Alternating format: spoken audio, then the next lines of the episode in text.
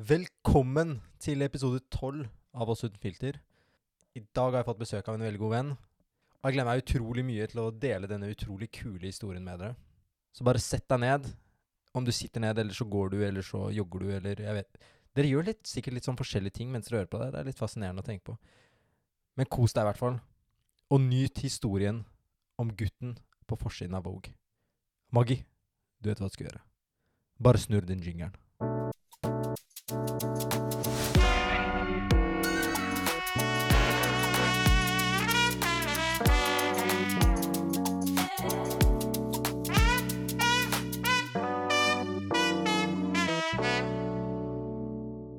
Velkommen til podkasten med Gino. Tusen takk. tusen takk. Hyggelig å være her. Det er veldig hyggelig å ha deg her. Jeg er skikkelig spent på episoden. Håper du også er det. Ja, Sjæl herregud, jeg vet ikke hva som kommer til å skje. Jeg er spent, ass. Det kommer til å bli en veldig fin samtale. Det er jeg veldig sikker på. Men nå tenker jeg bare å introdusere deg her. Fordi jeg studerer jo i Trondheim. Mm. Og når jeg kommer til Oslo, enten i sommerferier eller vinterferier, så er det spesielt én gjeng jeg gleder meg enormt mye til å henge med. Mm. Og det er jo dere, ikke sant? Yeah. Nå er det mange shoutouts, men eh, David, Kunji, deg, Omar, Yas, Rafa, Dylan, Abdi, Mike, osv., osv. Alle søte folk her. Alle de fine folk her. Fordi jeg føler meg så hjemme med dere, ikke sant? Dere er så bra folk, og tiden går så fort når vi henger sammen. Mm. Og når ferien er over, så går vi alle hvert til vårt. Mm. Ikke sant? Jeg og Simen vi stikker til Trondheim og fortsetter på utdanningen vår. Konal og David og dem går til sine jobber, og så fortsetter de å jobbe med å få Vimo til å bli megastor, som kommer til å skje. Som kommer til å skje. Og så har vi deg, som går tilbake til din jobb. Som er å reise rundt i landet og i verden og gå catwalks og ha shoots med de største merkene i verden. Og ikke bare det.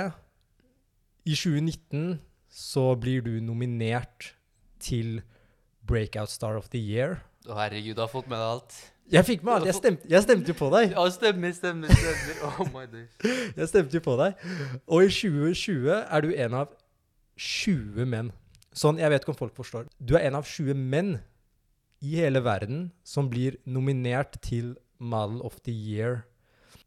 Det er liksom Ballon d'Or for å bare se bra ut. Det er psycho.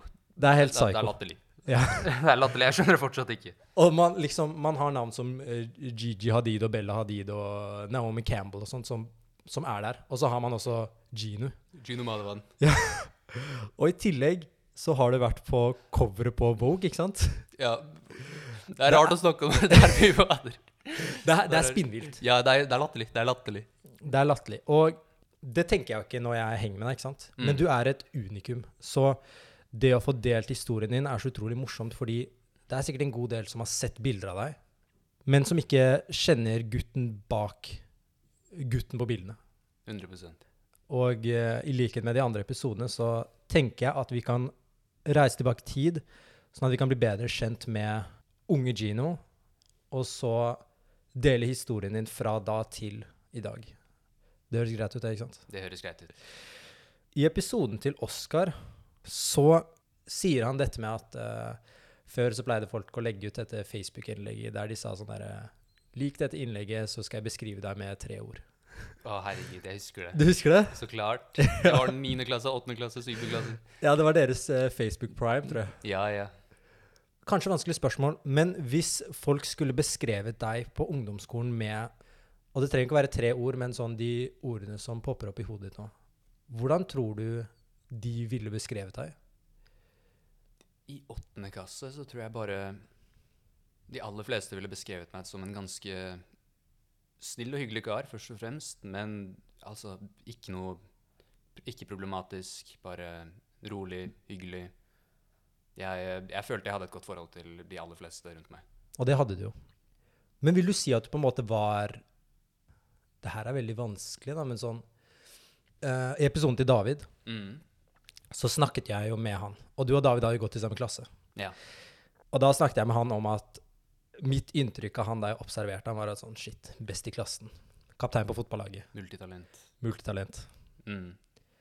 Du var jo litt mer i skyggen, hvis jeg kan være sånn brutalt ærlig. Nei, bare være så brutal som du vil. Jeg var i skyggen. 100% Du var i skyggen. Og så var du veldig komfortabel med å på en måte være der òg. Jeg hadde ikke noe problem med det. Fram til VGS så var liksom mitt mål i livet bare å være safe i fremtiden. Ja. Så jeg gjorde Jeg vil si Altså, det kan virke litt trist, men jeg vil si jeg var ganske happy da også. Det var bare Jeg gjorde det jeg måtte gjøre for å passe på at jeg var good i fremtiden. Og så tid jeg hadde over, overs, brukte jeg til whatever jeg syntes var gøy, da. Ja, og, og liksom Jeg ser på det her som en veldig positiv ting, fordi jeg har jo kjent deg siden du har vært en liten gutt. Mm. Og jeg har jo alltid hatt gode tanker om deg, ikke sant? Veldig hyggelig å høre. Og ja, det er veldig hyggelig å si. Og det er jo nettopp fordi du har vært en så ålreit type, og du har på en måte ikke gitt noen folk grunn til å mislike deg heller. Ja, nettopp.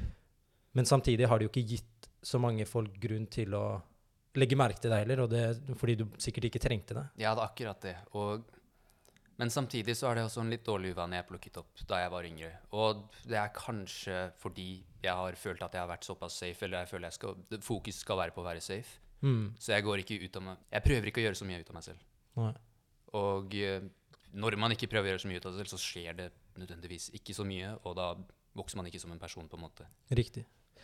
Komfortsonen er jo veldig skummel, Ja, det er det. fordi den er så komfortabel. Det er veldig det. Og så kommer vi jo til videregående, fordi da En helt ny klasse. Tror du de kanskje hadde beskrevet deg på samme måte som Veitut-folka, eller gikk du gjennom en liten endring der? Mm. Jeg tror personen jeg var i 9. og 10., ikke var sånn altfor langt unna personen jeg var i i hvert fall første og andre VGS. Mm. Og eh, det var egentlig mest fordi jeg var ren Jack and Jones-lanker fortsatt. Jeg var 110 Jack and Jones-lanker. Hva mener du med det? Du vet akkurat hva jeg mener med det. Du har sett meg på, du har sett meg på Veitvet. Det var ikke jeg, jeg brydde meg ikke så mye om eh, liksom eh, utseende og klær og liksom hvordan andre uh, perceiva meg.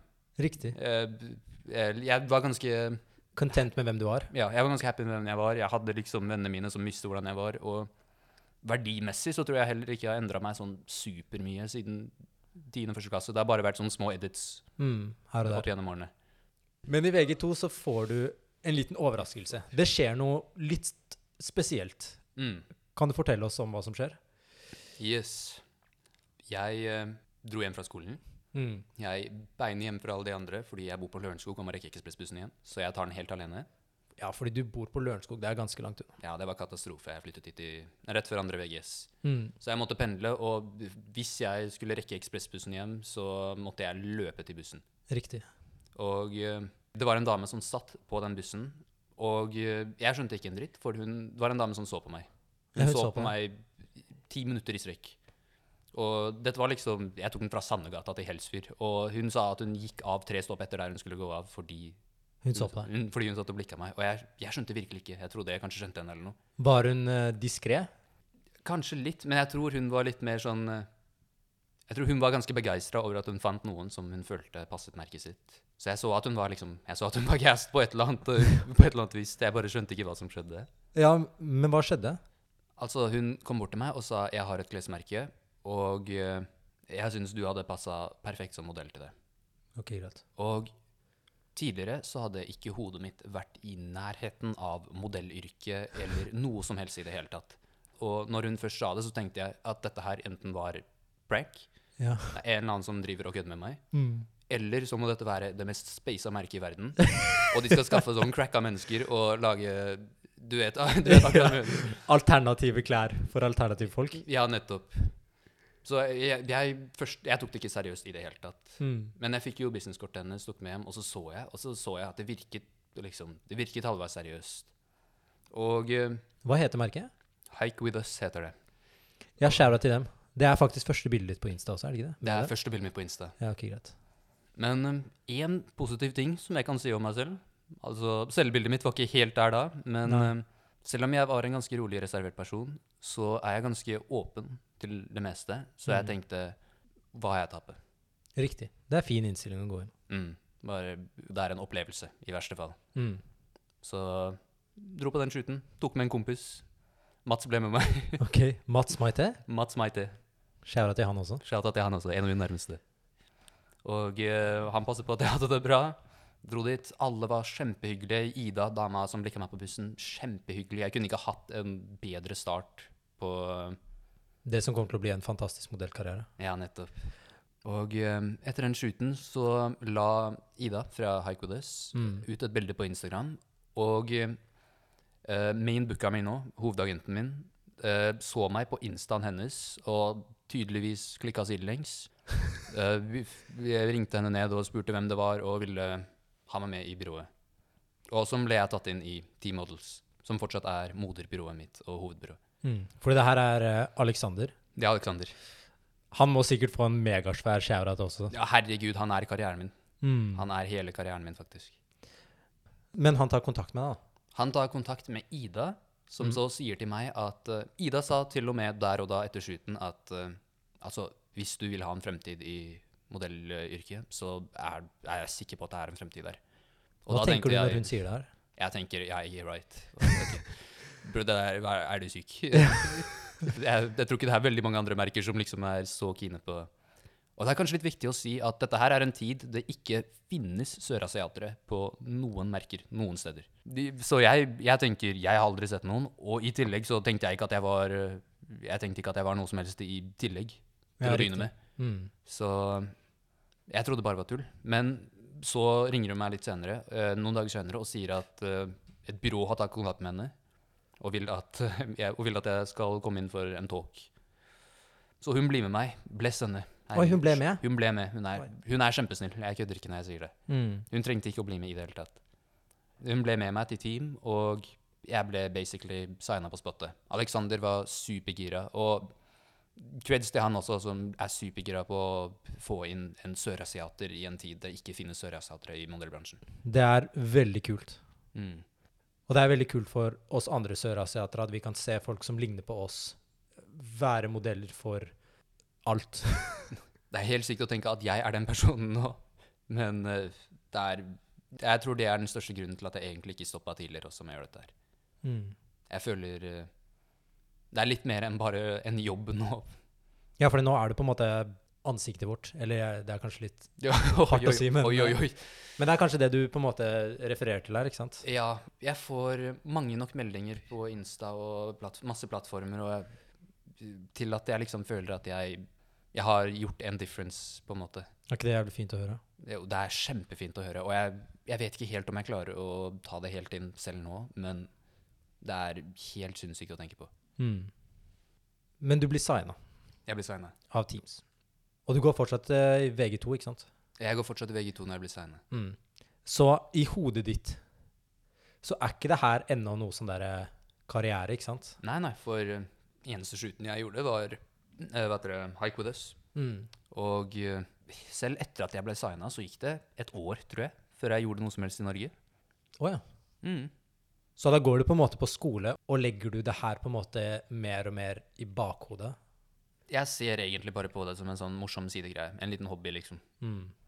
Men så blir du ferdig på Foss. Mm. Vitnemålsutdeling. Hurra. Hva tenker du senere da, egentlig?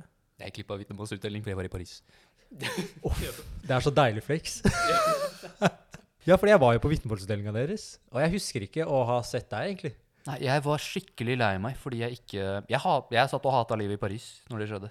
Ja, for hva skjedde? Hva Det som basically skjer, er at uh, i, i juni måned så starter, uh, så starter Fashion Week i Paris. Riktig. Og helt i starten av juni, eh, juni så flyr alle boysa whatever ned for uh, å gjøre castings.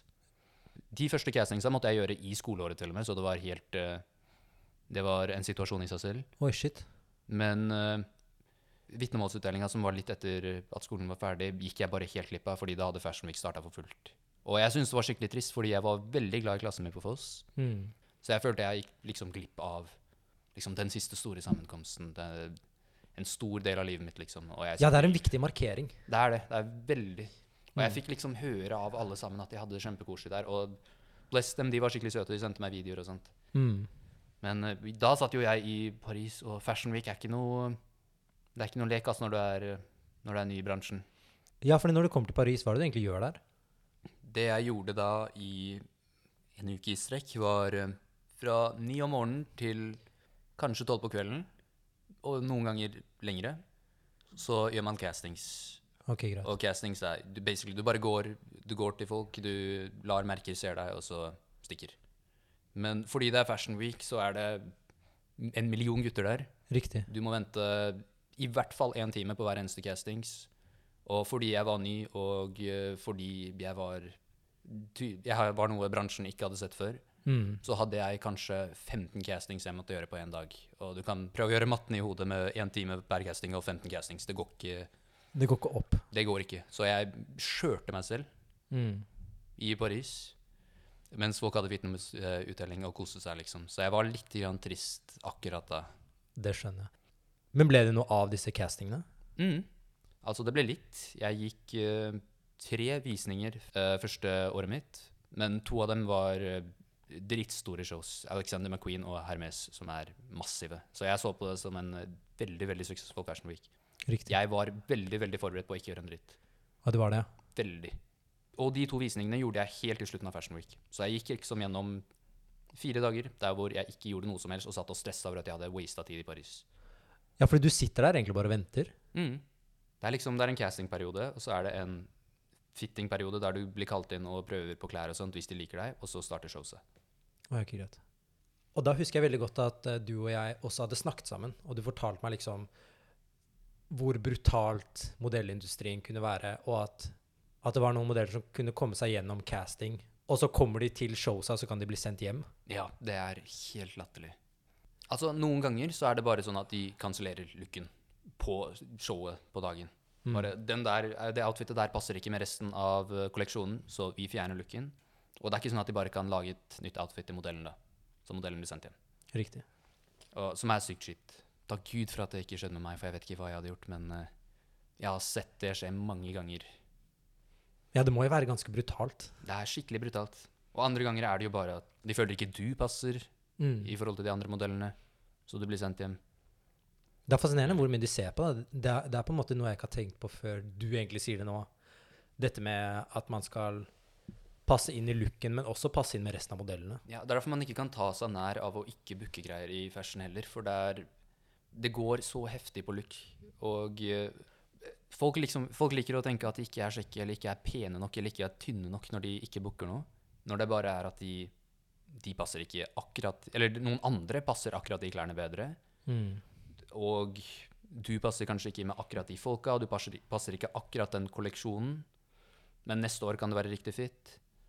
Det er bare Det er trist å se folk altså, skylde på seg selv Riktig. og at de ikke booker ting, når de egentlig er helt ute av din kontroll. Du kan bare være deg selv. Men etter videregående så er det sånn at man på en måte skal forholde seg til fremtiden. Mm. For da er du jo ferdig med skole, og da må du på en måte finne ut om du har lyst til å jobbe, eller om du har lyst til å ta noe videreutdanning. Mm. Hva er det du tenker? Akkurat når det kom til det, så var jeg litt grann redd. For um, før modellkaoset Mm. så var jeg veldig sikker på at jeg ikke skulle ta friår. Fordi jeg var redd for at det kom til å gjøre meg altfor latt. og, bare, og etter det Jeg visste ikke hvordan jeg kunne klare å komme meg tilbake til skolebenken hvis jeg slet over sommeren liksom med å finne motivasjon. Mm. Og eh, det var litt kjipt fordi Også av liksom, kulturell bakgrunn. Foreldrene Ja. mine var veldig, veldig supportive. I hvert fall liksom i forhold til lankere flest. Ja, det er veldig kult. Mm. Men samtidig så var det liksom Det var flere ganger jeg var på tamilske sammenkomster da jeg hørte folk hviske bak liksom bare Gino kommer til å waste bort livet sitt. Mm. Bare wow, har du hørt at han, han gjorde det så bra på skolen, men han skal eh, Han tar friår nå. Wow. Han skal bare slappe av i et år, liksom. Ja, fordi friår når du er Nå er jo vi to norsktamilere, så vi kan bare snakke på vegne av oss. Mm. Men friår er liksom en av de største syndene man kan gjøre. Så ja, det er ikke bare bare å ta friår som en tamilsk gutt. I hvert fall hvis du skal bruke det året på å være modell. Ja. Og jeg har jo ikke Jeg var ikke noe etablert modell i det hele tatt. Jeg hadde én Fashion Week der jeg gjorde tre shows. Mm. Og utenom det så jobber jeg ikke. Det går jo måneder mellom jobber. Riktig. Så de tenkte det bare var waste of time. Og det er litt trist å høre på folk du Liksom familievenner gå rundt og hvisker mellom hverandre at jeg waster livet mitt. Ja, det, det er jo det som er litt sånn skyggesiden ved denne kulturen, som også har veldig mye bra ved seg. Ja, nettopp. At så mye av uh, kommunikasjonen kan være det at man skal snakke om hvordan andre gjør det. Og som regel så er det negativt eller positivt ladd. Det er ikke sånn, det er ikke en nøytral observasjon, ikke sant? Det er Nei, ikke at de nøytralt snakker om hva Gino gjør. De har en mening om det. Ja, det er alltid en hensikt. Men når du har friår, og du får bare noen oppdrag her og der, Mm. hvor er du egentlig tankene da? Tenker du bare at jeg skal bare finne ut av denne lille modellgreia i ett år, og så skal jeg på en måte gå videre med noe annet? Planen var 100% bare ett år. Jeg skulle Life experience, egentlig. Mm. Jeg vet at de aller fleste ikke får sjansen til å jobbe som modell internasjonalt, og hvis jeg sier nei til det, så sier jeg bare nei til en mulighet. Det er bare Det virket ikke smart i det hele tatt. Men jeg tenkte at jeg bare skulle gjøre det i ett år, se hva som var greia, og så skulle jeg tilbake til skolen. Men det ble jo ikke bare ett år, da. Det ble ikke bare ett år. Hva skjedde? Jeg tror friår nummer tre og fire og fem de, eh, Det var mye lettere å gjennomføre. Det var mye lettere å bestemme seg at jeg faktisk skulle ta fri da. Mm. Men eh, det andre friåret var litt grann krise, for da jobba jeg på en måte ikke nok til å Altså selv om lønna er ganske decent, Mm. Så tjener du ikke en norsk månedslønn på Eller du tjener ikke en årslønn på å jobbe fire ganger Eller én gang hver fjerde måned som en ny modell, liksom. Riktig. Og lønnsforskjellen mellom nye og etablerte modeller er helt sinnssyk. Dag og natt. Dag og natt. Men uh, den Fashion Weeken, nummer to, gjorde det dritbra. Jeg havna på sånne lister, sånn ones to watch, masse greier. Og jeg tenkte kan jeg virkelig stoppe når jeg ikke vet hvor dette her kan gå, og det bare har gått oppover siden jeg starta? Selv om det ikke har gått veldig langt opp hittil. Mm. Og så kom vi inn i 2019, og da blir du til og med nominert til eh, Breakout Star of the Year. Hva skjer egentlig i hodet ditt da? Sånn, fordi ser du fortsatt på det her som noe midlertidig, liksom? Jeg tror jeg tenkte at jeg tjente bra der og da, og jeg kan ikke gi meg mens jeg tjener det meste jeg noensinne har tjent, og det bare ser ut til å gå oppover. Mm. For hvert halvår som går, eller hvert et år som går, så er det en ny award, eller Det, det ser ut som det alltid dukker opp ting. Riktig. Og jeg ser på andre mennesker at uh, fashion tar, og, tar opp folk, og så spytter de ut igjen. Og en vanlig karriere kan vare i liksom ett og et halvt år, to år, før du faller av heftig. Så med en gang jeg hadde holdt på i to år sammenhengende, og det, ikke, og det bare hadde gått oppover, og det ikke hadde falt av i det hele tatt, så tenkte jeg OK, nå gir det faktisk mening å ta friår. Men la oss bare gå inn på Instagram-profilen din. Var det noen folk som reagerte på de bildene du la ut fra de oppdragene du hadde vært på? Fordi du, du legger jo ikke ut bilder der du har på deg helt vanlige klær fra Hennes og Maurits. Det er litt Nei. mer krydder, ikke sant?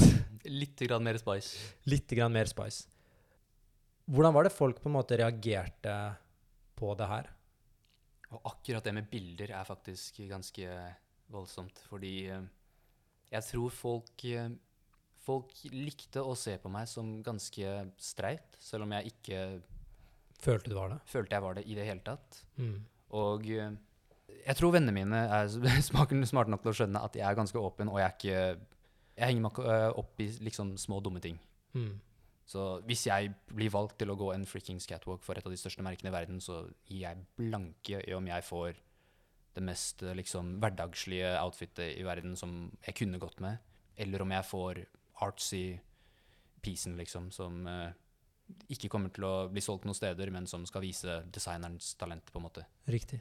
Og eh, å legge ut noen bilder i starten synes jeg var skikkelig ukomfortabelt, bare fordi jeg trodde folk skulle tenke Oi, wow. What the hell? Han har ikke gjort noe som det der før. Han karen der gikk i de mest basic klærne på VGS, Mm. og nå står han og gjør flamingo pose i freaking skjørt og liksom i bar overkropp eller whatever, og eh, Mm.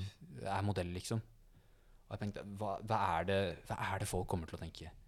Og de vennene som jeg på en måte har nå, og de vennene som jeg har sett på som sunne venner for meg å ha, de Riktig. bare backa meg.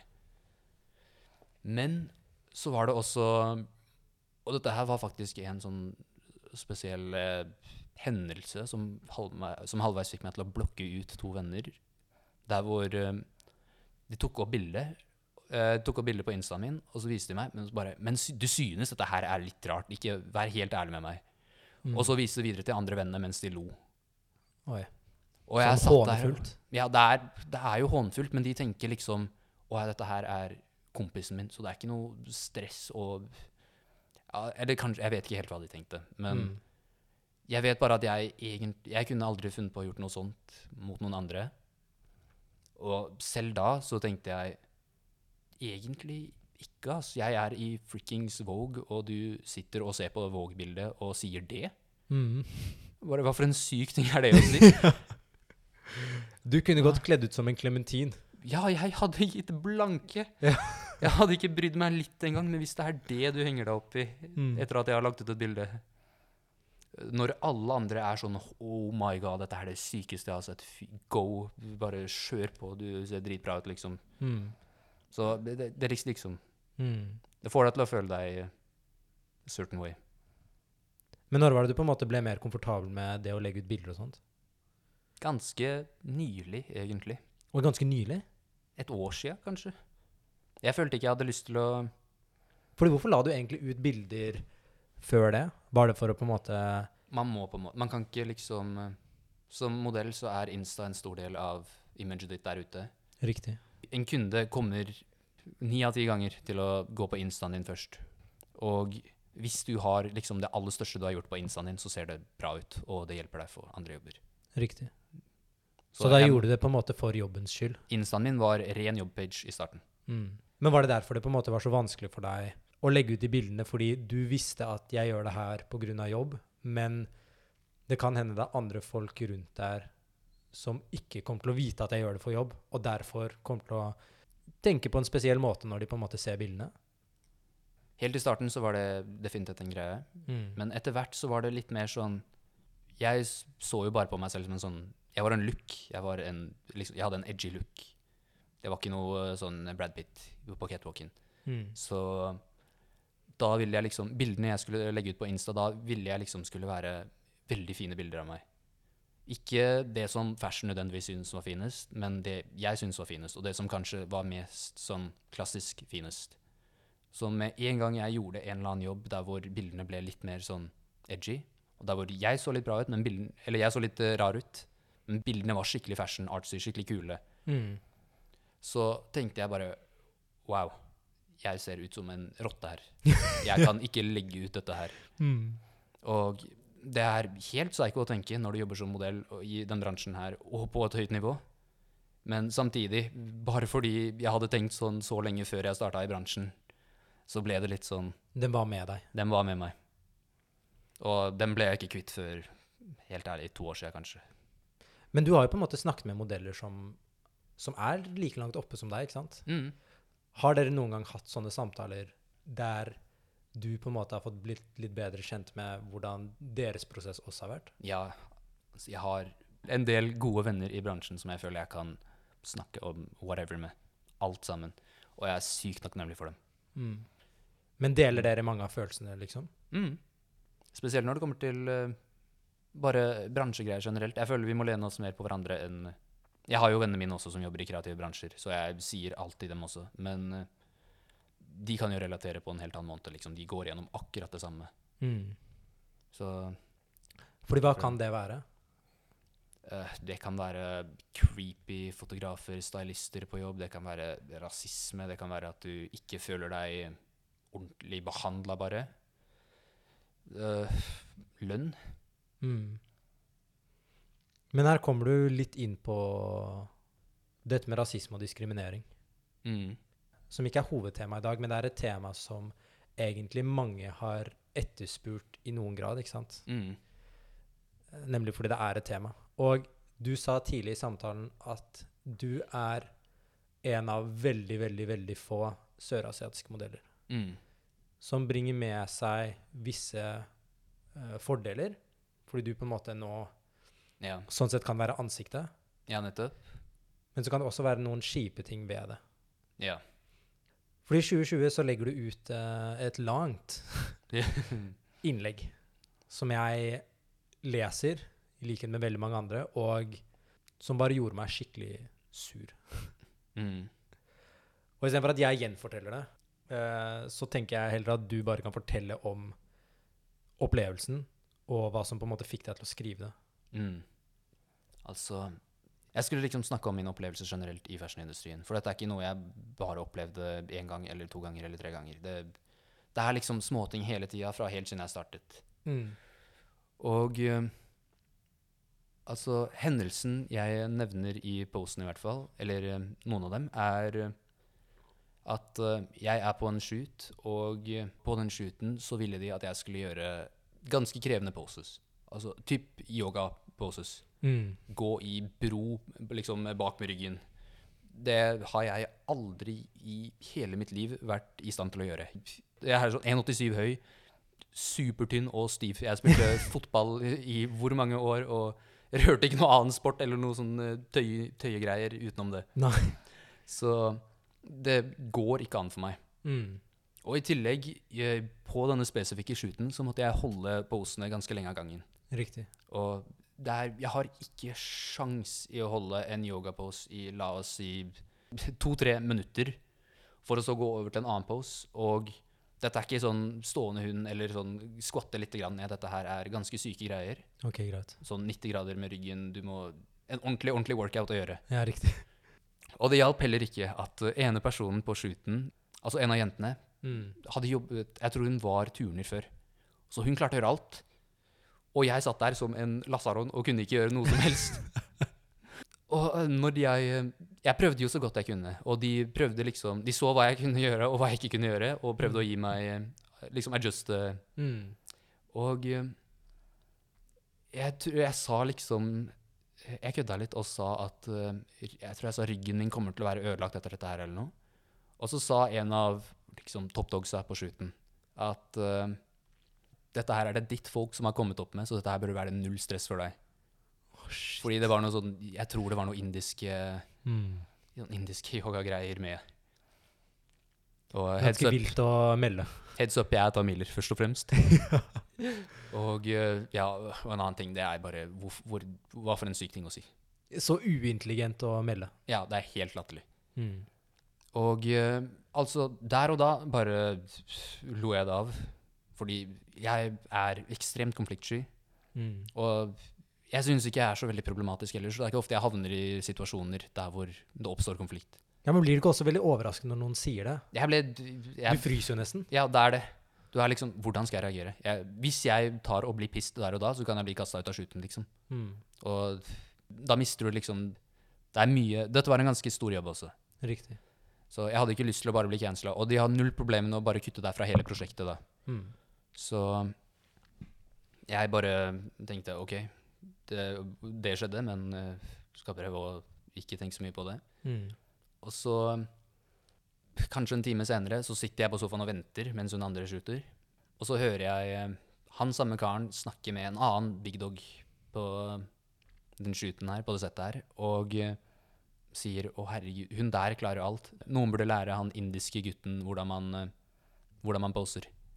Og dette her er eh, Jeg er fire år inn i bransjen her. Riktig.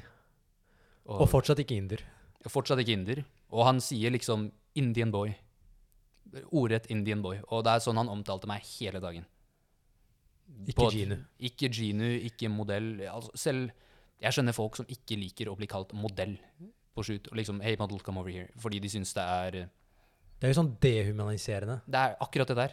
Du er liksom Du er objekt, du er en modell, du er ikke en person, på en måte. Og alle andre kunne navnet mitt. Navnet mitt var overalt på settet, på freakings uh, bilder og sånt. Og så er det veldig mange sørasiatiske navn som er ganske vanskelig. Ja.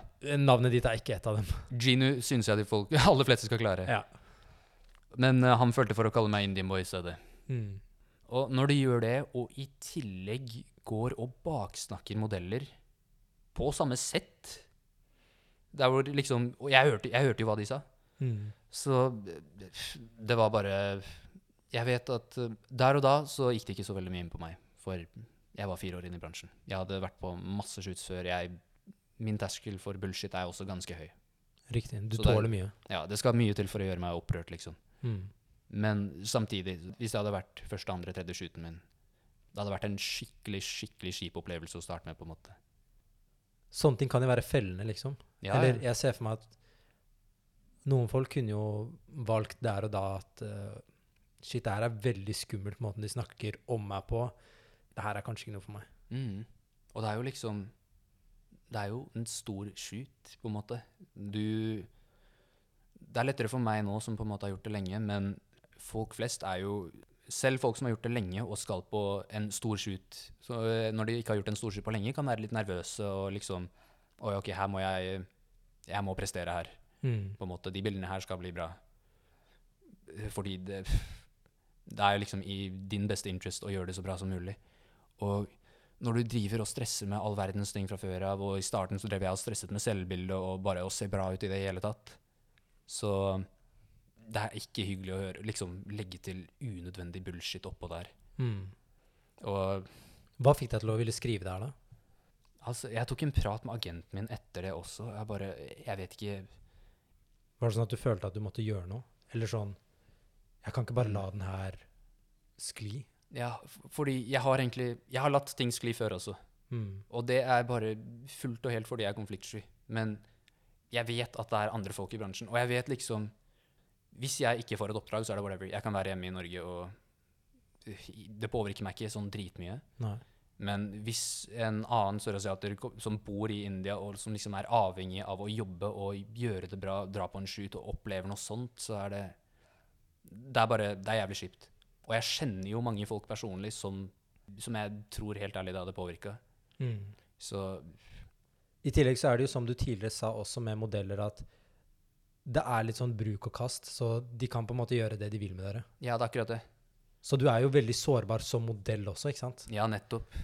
Fordi du vil jo ikke miste kontaktnettverket du på en måte har opparbeidet deg over tid òg. Mm.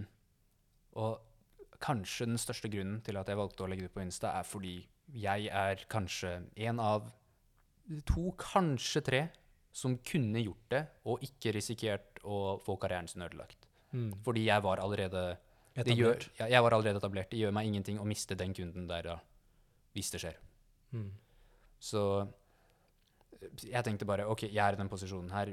Hvis jeg er den eneste som legit kan gjøre dette her, eller en av de eneste som kan gjøre dette her uten at det gir meg alvorlige konsekvenser, så burde jeg nok gjøre det. Det er veldig Jeg vil si nobelt, eller edelt. Det er veldig viktig at du Mm. tok den kampen, fordi du visste du kunne ta den. Mm. Og jeg setter veldig pris på det. Ja, fordi det er jo veldig enkelt å velge å ikke ta kampen. Ja, og spesielt sånn fordi jeg, jeg som person bare hadde aldri gjort det før. Mm. For jeg vet at hvis jeg legger ut noe sånt på Instagram, så kan det bli kan det liksom eh, Det kan bli en greie. Og det ble det jo når jeg la det ut. Ja, det ble jo delt av uh, hele min krets, men sikkert i modellen Sånn topp, topp folk i fashion delte det, liksom. Ja. Det var, det var litt overalt, og folk sendte meg melding og ville jeg skulle skrive artikler og sånt i aviser og sånt. og masse, det, det var masse styr rundt det, basically. Men det føltes riktig. Det føltes riktig, selv om det var ganske ukomfortabelt der og da. Desto kulere at du på en måte tok det. Og desto kulere at vi også kan snakke om det nå også, sånn at flere folk på en måte også kan få Mm. høre egentlig begge sidene ved modellbransjen. Mm. Som uh, først og fremst på en måte kan virke veldig glamorøs. Ja. Og som sikkert også er det. Men så er det på en måte noen skyg skyggesider, da. Mm, 100% Veldig mange, faktisk. Men fra tidligere så har du snakket om dette med at du på en måte slet litt med selvbildet, og hvordan du på en måte betrakter deg selv. Mm. Hvordan vil du si at det er nå? Mye bedre. Mye bedre. Altså, jeg må fortsatt drive og catche meg selv på noen ting. Det er ikke sånn som bare forsvinner helt, føler jeg. Men sånne ting kan jo kanskje også være en god egenskap, da. Eller et Mm. fint personlighetstrekk, det å på en måte ikke tro man er noe. Ja, ja det er det jeg også liker å tenke. Men uh, det er ikke helt uten grunn at jeg noen ganger føler det hadde vært bra for meg å være litt, litt mer modell, litt mer cocky. Litt mer late som jeg faktisk Eller late som jeg er nå på jobb, liksom. For Mm. man ser at uh, jeg, tror liksom, jeg tror jeg hadde kommet overens med flere folk i fashionindustrien, for å si det sånn, hvis jeg hadde uh, oppført meg som om jeg var noe. Eller oppført meg som om jeg var like stor som jeg egentlig er, på en måte. Mm. Men da hadde du i samme slengen mista Eller Jeg er jo ikke meg selv. ja, mista den personen du er. Er akkurat det. Og jeg tenker at det må være en utrolig deilig følelse for deg å kunne se tilbake på hele bransjen din og se frem også på hvor du skal gå, og vite at du har vært deg selv gjennom hele prosessen. Mm. Jeg er helt enig. Men du vier jo mye av dette til nettverket ditt rundt deg, ikke sant? Mm. Jeg kan ikke takke vennene mine nok, bare for at uh, de er der. Og det at eh, jeg føler meg trygg på at jeg kan gå til utlandet og gjøre hva enn jeg vil. Jeg, kan ikke, jeg trenger ikke å bli venn med en sjel, men jeg kan likevel stikke hjem og være happy med livet mitt. Mm. For det ikke Jeg går ikke ut i fashion liksom, for å lage venner. Og da, hvis du ikke har den mindseten der du prøver å gå rundt og imponere absolutt alle sammen, så kommer du automatisk til å bli enda bedre venn, og faktisk ordentlig venn med de folka du faktisk kommer overens med. Hvis det gir mening. Det ga fullt mening for meg. Utrolig Mm. fint og sterkt sagt. Men nå kommer vi faktisk inn i aller siste del. Og du som en fan av oss uten filter, vet jo hva som kommer nå. Her får jo du muligheten, da, Gino, til å, til å reise tilbake i tid etter eh, Ida fra Haik har snakket med deg på bussen. Og Gino har ennå ikke kommet seg hjem, fordi Gino er bare på Helsfyr, og det er dritlangt til Lørenskog. Men du får mulighet til å snakke med unge Gino der. Mm. Hvis du kunne sagt noe til han da, hva hadde du sagt da? Jeg hadde bedt meg selv ikke stresse så mye. Mm. Jeg har en skikkelig dårlig tendens til å unødvendig stresse meg selv. Og når jeg begynner å stresse, så tenker jeg liksom bare verste mulig utfall. Katastrofetanker. Ja, basically. Mm. Og eh, jeg tenkte sånn eh, fjerde fashion weekend inn, om jeg ikke booka noe de to første dagene, så var det sånn Å, herregud, er dette året jeg går under? Er dette her eh, starten på slutten? Stemmer alt dette som de tamilske foreldrene har sagt? Ja, det er akkurat det, ass. Det er bare Å, herregud, er dette waste? Mm. Men uh, altså, jeg har jo blitt Jeg har blitt bevist wrong hver eneste gang, og uansett om jeg ikke hadde blitt bevist wrong, det jeg tror Det hjelper ingen å sitte der og tenke at ting ikke kommer til å funke før det har skjedd.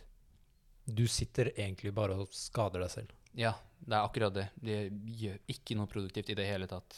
Mm. Og sånn er det, men jeg skulle ønske jeg var litt Jeg tok det litt grann med ro når det kom til akkurat det der i starten. Mm. Ellers så tror jeg egentlig bare Jeg har gått gjennom nok bullshit til å si meg ganske happy med hvordan alt har løst seg. Så da kunne jo du og Gino ellers bare sittet og snakket om ganske hyggelige ting, da. Det er faktisk det. Mm. Men du, tusen hjertelig takk for at du kom innom, og tusen hjertelig takk for praten. Tusen takk for at jeg kunne være med, og eh, altså Eneste grunnen til at jeg ikke reacha ut tidligere, var bare fordi jeg følte Jeg følte ikke jeg var eh, worthy nok. Mine struggles ikke var liksom eh, Nei, men det her er jo på en måte Det er ikke en struggle podcast. Det er ikke en struggle podcast. Det er helt vanlige historier fra helt vanlige folk. Det er det. Så, Og det er fint å vite at uh, bak Holsweiler-bilene, bak Versace og Swarovski og Boss og Vogue, så er du også en helt vanlig kar som oss. det er det. Det er det. Skulle ønske folk forsto det, ass. Nå gjør det det. Og tusen hjertelig takk til alle dere som har hørt denne episoden her. Neste episode kommer om to uker, og da skal dere få høre noe som kanskje er min favorittkjærlighetshistorie. Fordi da skal dere få høre historien om gutten i Trondheim som elsket jenta i Bergen. Vi ses.